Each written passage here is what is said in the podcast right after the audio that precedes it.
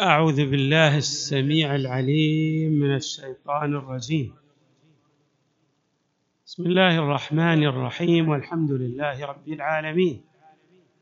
والصلاة والسلام على أشرف الخلق سيدنا ونبينا محمد وآله أجمعين الطيبين الطاهرين. قال الله تعالى في القرآن الكريم إن الصلاة كانت على المؤمنين كتابا موقوتا. صدق الله العلي العظيم. الصلاة لها أوقات محددة في الشريعة المقدسة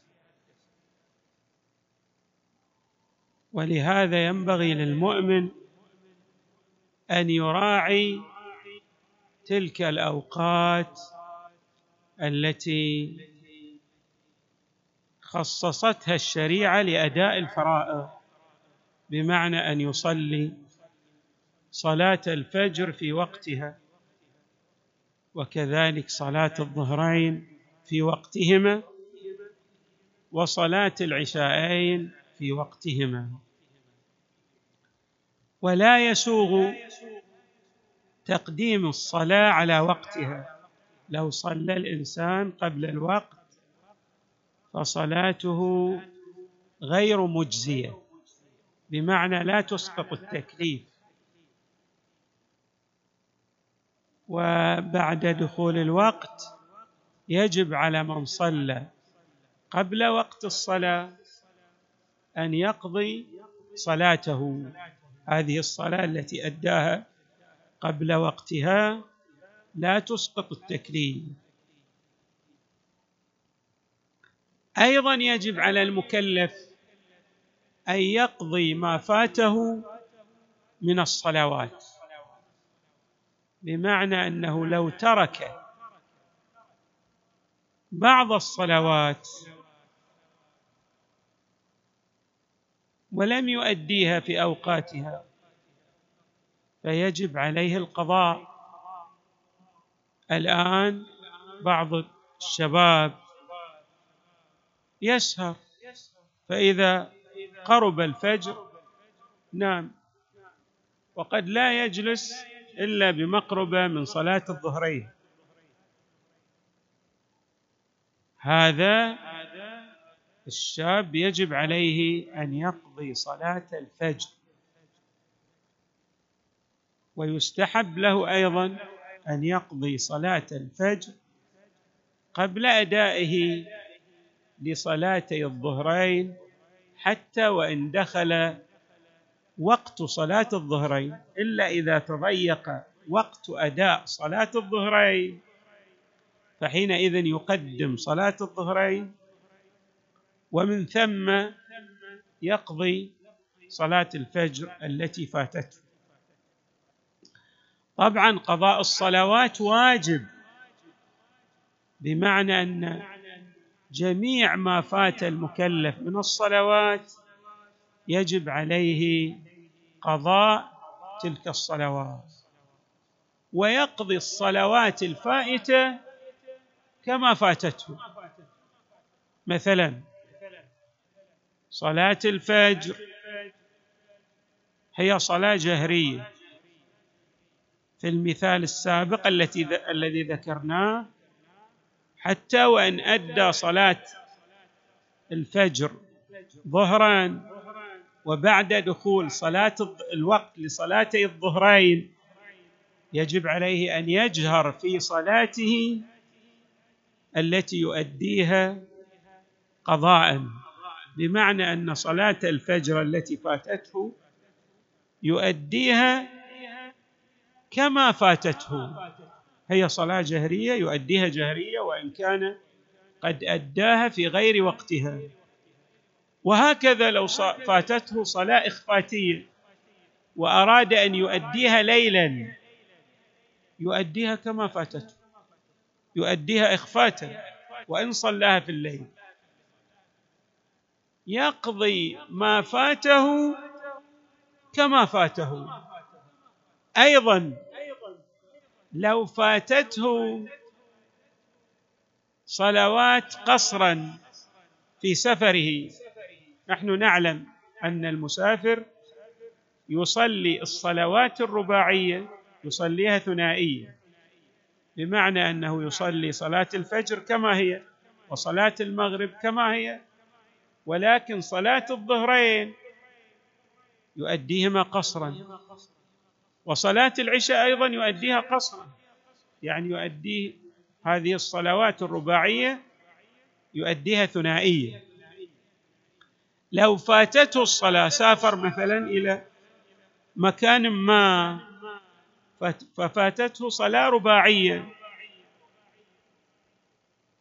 في السفر هو يصلي قصرا يعني تكون ثنائيه رجع إلى منزله رجع إلى بلده. يؤدي هذه الصلاة التي فاتته قصرا وإن كان جاء إلى بلده وزال عنوان السفر عنه لكن يؤديها قصرا كما فاتته. وهكذا لو أراد أن يقضي وهو مسافر شخص سافر مثلا إلى الدمام لمدة يومين وعليه صلوات قضاء رباعية. يصلي هذه الصلوات القضاء كما فاتته بالرغم أنه مسافر ولكن لأنه يؤدي صلوات فائتة رباعية يؤديها كما هي بمعنى أنه يقضي ما فاته من الصلوات كما فاته.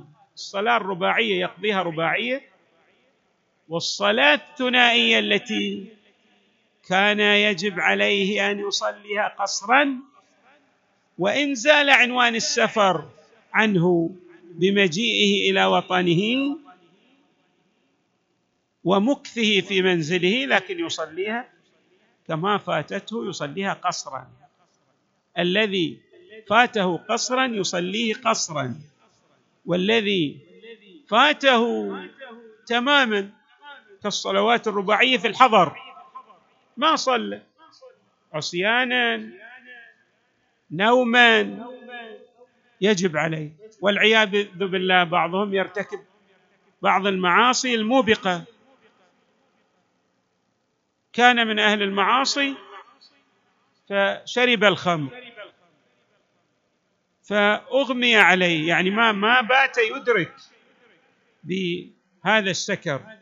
يجب عليه أن يقضي ما فاته في حال سكره. يجب عليه أن يقضيه ويؤديه حتى وإن كان مسافرا. يؤديه تماما.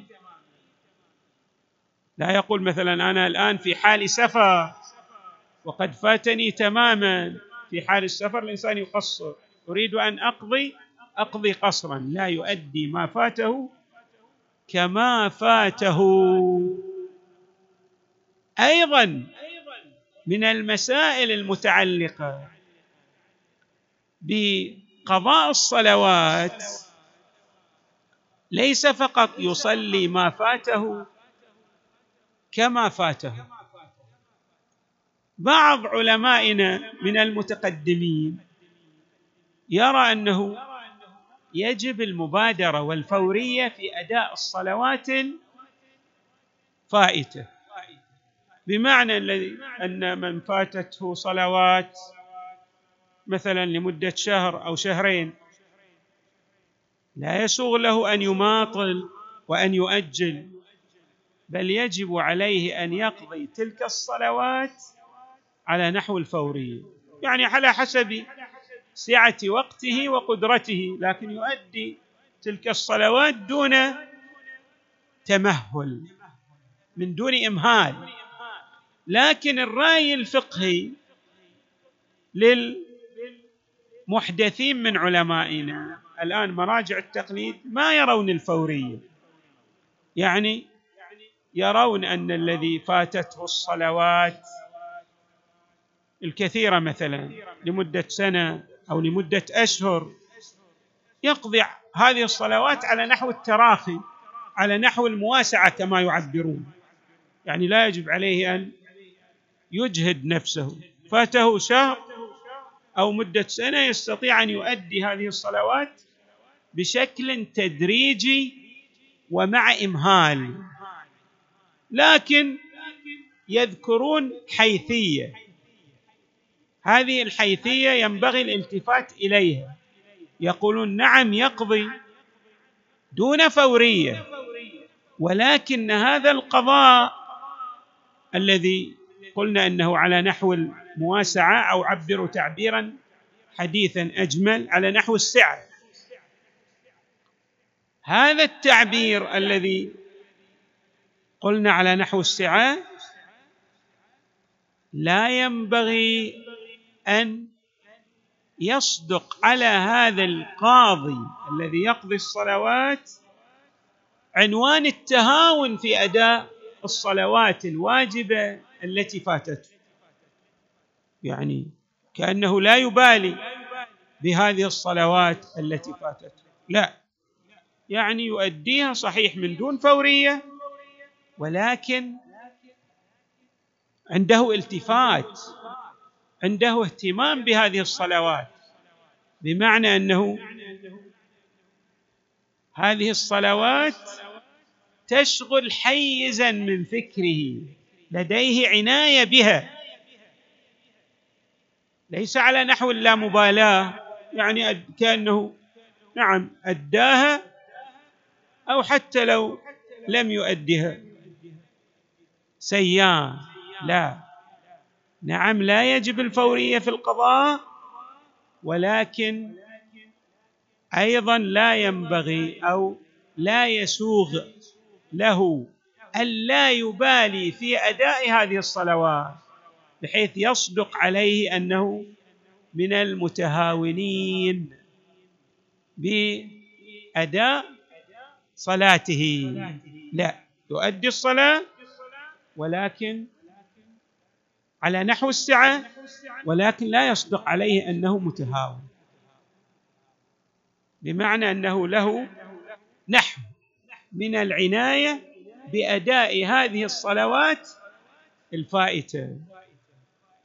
اذا حري بمن فاتته هذه الصلوات أن يلتفت إلى أدائها وأن يؤدي هذه الصلوات كما فاتته.